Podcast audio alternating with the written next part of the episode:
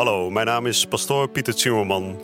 En dit is Credo, de dagelijkse podcast van Radio Maria over de catechismus van de Katholieke Kerk. Samen dringen we elke dag een beetje dieper door in het prachtige plan van liefde dat God met elk van ons heeft.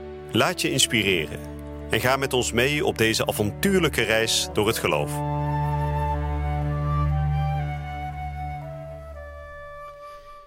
Vrienden, we zijn weer terug bij de dagelijkse uitzending van Credo waarin we de afgelopen dagen hebben gesproken over uh, allereerst God als almachtige God en vervolgens over God als schepper.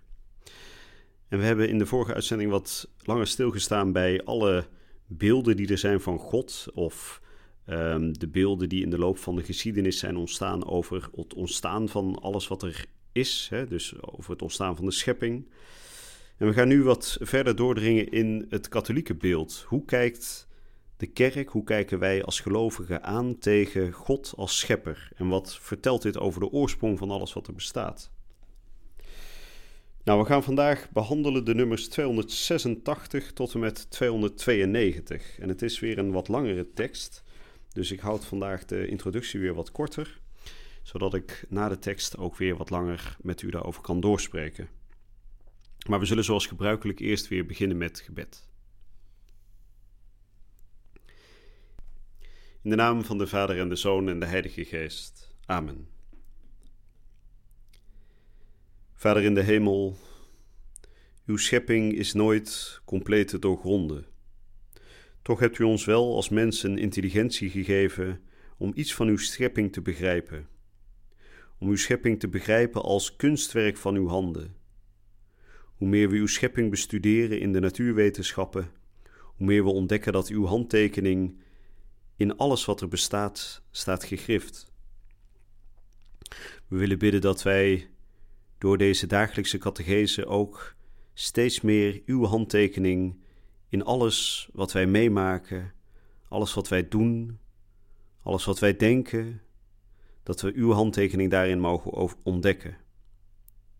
Heer God, geef ons de wijsheid van hart om u te kennen en om uiteindelijk ook u te beminnen. Amen. Nou, vandaag dus weer een iets langere tekst en we zullen meteen gaan beginnen. De nummers 286 tot en met 292. Het menselijk verstand heeft zeker het vermogen reeds een antwoord op de vraag naar de oorsprong te vinden. Het bestaan van God de Schepper kan immers met zekerheid gekend worden door zijn werken dankzij het licht van de menselijke reden. Zelfs al wordt deze kennis dikwijls verduisterd en vervormd door dwaling. Daarom komt het geloof het verstand versterken en verlichten in het juiste begrip van deze waarheid. Geloof doet ons zien dat het heelal tot stand is gekomen door Gods woord, zodat het zichtbare ontstaan is uit het onzichtbare. De waarheid van de schepping is zo belangrijk voor heel het menselijk leven, dat God in zijn liefde aan zijn volk alles heeft willen openbaren wat met betrekking hiertoe helzaam is te kennen. Buiten de kennis die iedere mens van nature over de schepper kan hebben, heeft God aan Israël het mysterie van de schepping geleidelijk geopenbaard. Hij die de aartsvaders uitverkoren heeft, die Israël uit Egypte heeft laten vertrekken, en die door zijn uitverkiezing Israël geschapen en gevormd heeft. Diegene openbaart zich als degene aan wie alle volken van de aarde en heel de aarde toebehoren, als degene die als enige de hemel en de aarde gemaakt heeft. Zo is de openbaring van de schepping onlosmakelijk verbonden met de openbaring en de verwezenlijking van het verbond van God, de enige met zijn volk. De schepping wordt geopenbaard als de eerste stap tot dit verbond, als het eerste universele getuigenis van de almachtige liefde van God. Daarom komt de waarheid van, van de schepping steeds krachtiger tot uitdrukking in de boodschap van de profeten, in het psalmgebed en in de liturgie en in het wijsheidsdenken van het uitverkoren volk. Onder alle woorden van de Heilige Schrift over de schepping nemen de eerste drie hoofdstukken van Genesis een unieke plaats in. Literair gezien kunnen deze teksten verschillende bronnen hebben. De geïnspireerde auteurs hebben ze aan het begin van de schrift geplaatst, zodat ze in hun plechtig taalgebruik de waarheden over de schepping, haar oorsprong en haar doelen in God, haar ordening en haar goedheid, de roeping van de mens en tenslotte het drama van de zonde en de helsverwachting verwoorden. Gelezen in het licht van Christus blijven deze woorden, binnen de eenheid van de Heilige Schrift en binnen de levende overlevering van de Kerk, de belangrijkste bron voor de catechese over de mysteries van het begin: schepping, zondeval en helsbelofte. De schepping, werk van de Heilige Drie-eenheid. In het begin schiep God hemel en aarde. In deze eerste woorden van de schrift worden drie zaken gesteld. De eeuwige God heeft alles wat buiten hem bestaat een begin gegeven. Hij alleen is schepper. Het werkwoord scheppen, bara in het Hebreeuws, heeft als, heeft als onderwerp altijd God. Het geheel van wat bestaat, uitgedrukt in de formulering hemel en aarde, is van Hem afhankelijk die er het zijne aan geeft. In het begin was het Woord en het Woord was God. Alles is door Hem geworden en zonder Hem is niets geworden van wat geworden is. Uit het Evangelie volgens Johannes. Het Nieuwe Testament openbaart dat God alles geschapen heeft door het eeuwige Woord, zijn welbeminde Zoon. In Hem is alles geschapen in de hemel en op de aarde. Het heelal is geschapen door Hem en voor Hem. Hij bestaat voor alles en alles bestaat in Hem. Het geloof van de kerk bevestigt op dezelfde manier het scheppend handelen van de Heilige Geest. Hij geeft het leven.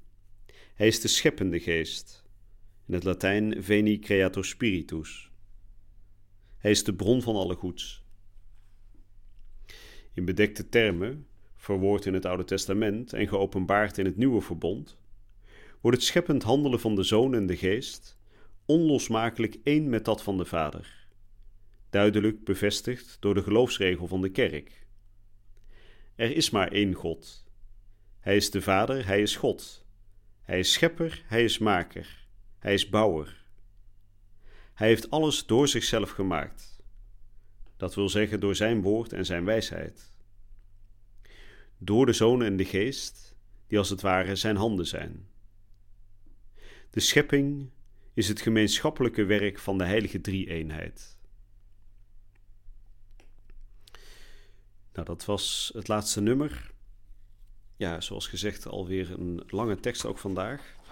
Maar toch um, ja, wel goed uh, samen te vatten, denk ik. Er is dus gesproken over uh, God als schepper. Hè? Daar hebben we het de afgelopen dagen ook over gehad. En we kunnen deze schepper en zijn schepping kunnen we kennen. Ja, daar spreekt het allereerste nummer over vandaag, nummer 286. Namelijk het menselijk verstand heeft zeker het vermogen reeds een antwoord op de vraag naar de oorsprong te vinden. En hoe kan het dat het menselijk verstand daartoe in staat is? Nou, omdat het menselijk verstand natuurlijk ook door God gemaakt is. God heeft de mens zo ontworpen dat de mens in staat is om hem en zijn schepping te kennen. dus alle pogingen van de natuurwetenschap om de schepping te doorgronden, dat zijn geen uh, zinloze pogingen. we kunnen daar inderdaad echt steeds dieper in doordringen. Maar, zegt de catechismus, we moeten daarbij altijd wel voor ogen houden dat dat nooit los kan van God. Daar bedoel ik mee dat als we die schepping echt willen kennen, we natuurlijk nooit de schepper buitenspel kunnen zetten. dat geldt in het alledaagse leven ook zo als we iets van techniek willen begrijpen, als we een auto uit elkaar gaan halen. Maar we gaan degene die de auto in elkaar heeft gezet, gefabriceerd heeft, ontkennen. Ja, dan zullen we nooit helemaal weten met wat voor bedoeling of met wat voor plan die auto in elkaar is gezet natuurlijk. Dus de schepping en de schepper die vormen als het ware een soort gemeenschap. Je kunt de ene niet los van de ander zien. En we horen zojuist dat die schepping, dat hele scheppingswerk, dat dat een werk is van de heilige drie-eenheid. En als we gaan nadenken over dat begin van dat scheppingswerk, dan komen we uit bij de begrippen schepping, zondeval en helsbelofte, hebben we net gehoord. De schepping, het begin, Genesis, alles ontstaat door God. de zondeval, de zondeval van de mensen. En daarna de helsbelofte. God kondigt de mens aan dat ondanks het feit dat de mens gevallen is, van hem is vervreemd geraakt, er toch weer hoop is dat de mens weer thuiskomt bij God. Nou, en dan sluit de catechismus vandaag af met uitleggen wat het betekent dat de schepping werk is van de heilige drie-eenheid. We hebben daar eerder over gesproken. God is Vader, Zoon en Heilige Geest. En die drie samen, als het ware, zijn schepper. Primair natuurlijk God de Vader, dat is logisch. Dat bidden we ook altijd in de geloofsbelijdenis. Ik geloof in God, de Almachtige Vader, schepper van hemel en aarde. Maar, zegt de catechismus heel mooi, God de Vader schept altijd samen met zijn Zoon en door de Heilige Geest. En dan wordt er de vergelijking gemaakt van de Zoon en de Heilige Geest zijn als het ware de handen waarmee God schept. Dus ook deel van de schepper. En dat is ook logisch. Als we, alle, als we geloven dat alle drie de personen evenzeer God zijn, dan is het ook logisch dat ze evenzeer schepper zijn. maar ze hebben wel onderscheiden functies toch weer in dat scheppingswerk. Nou, we gaan in de volgende uitzending spreken over waarom God eigenlijk de schepping überhaupt gemaakt heeft. We kunnen natuurlijk wel zeggen, God is de schepper en hij heeft zijn schepping gemaakt. Hij heeft, zijn, heeft de hemel en de aarde geschapen. Maar wat is de reden daarvan? Waarom heeft hij dat gedaan? Nou, daar gaan we in de volgende uitzending over spreken. Maar voor nu wens ik u een hele goede dag toe. Je luisterde naar Credo, de dagelijkse podcast van Radio Maria over de catechismus van de Katholieke Kerk. Credo is iedere werkdag te beluisteren op Radio Maria. Maar je kunt de afleveringen ook in je eigen tempo terugluisteren op onze website, in de app of op Spotify en de andere platforms. Via de website radiomaria.nl vind je dagelijks de link om de bijbehorende teksten uit de catechismus mee of terug te lezen. We zijn erg dankbaar voor alle giften die wij mogen ontvangen. Daardoor kunnen we ons goede werk blijven doen. Draag je ook bij aan deze missie?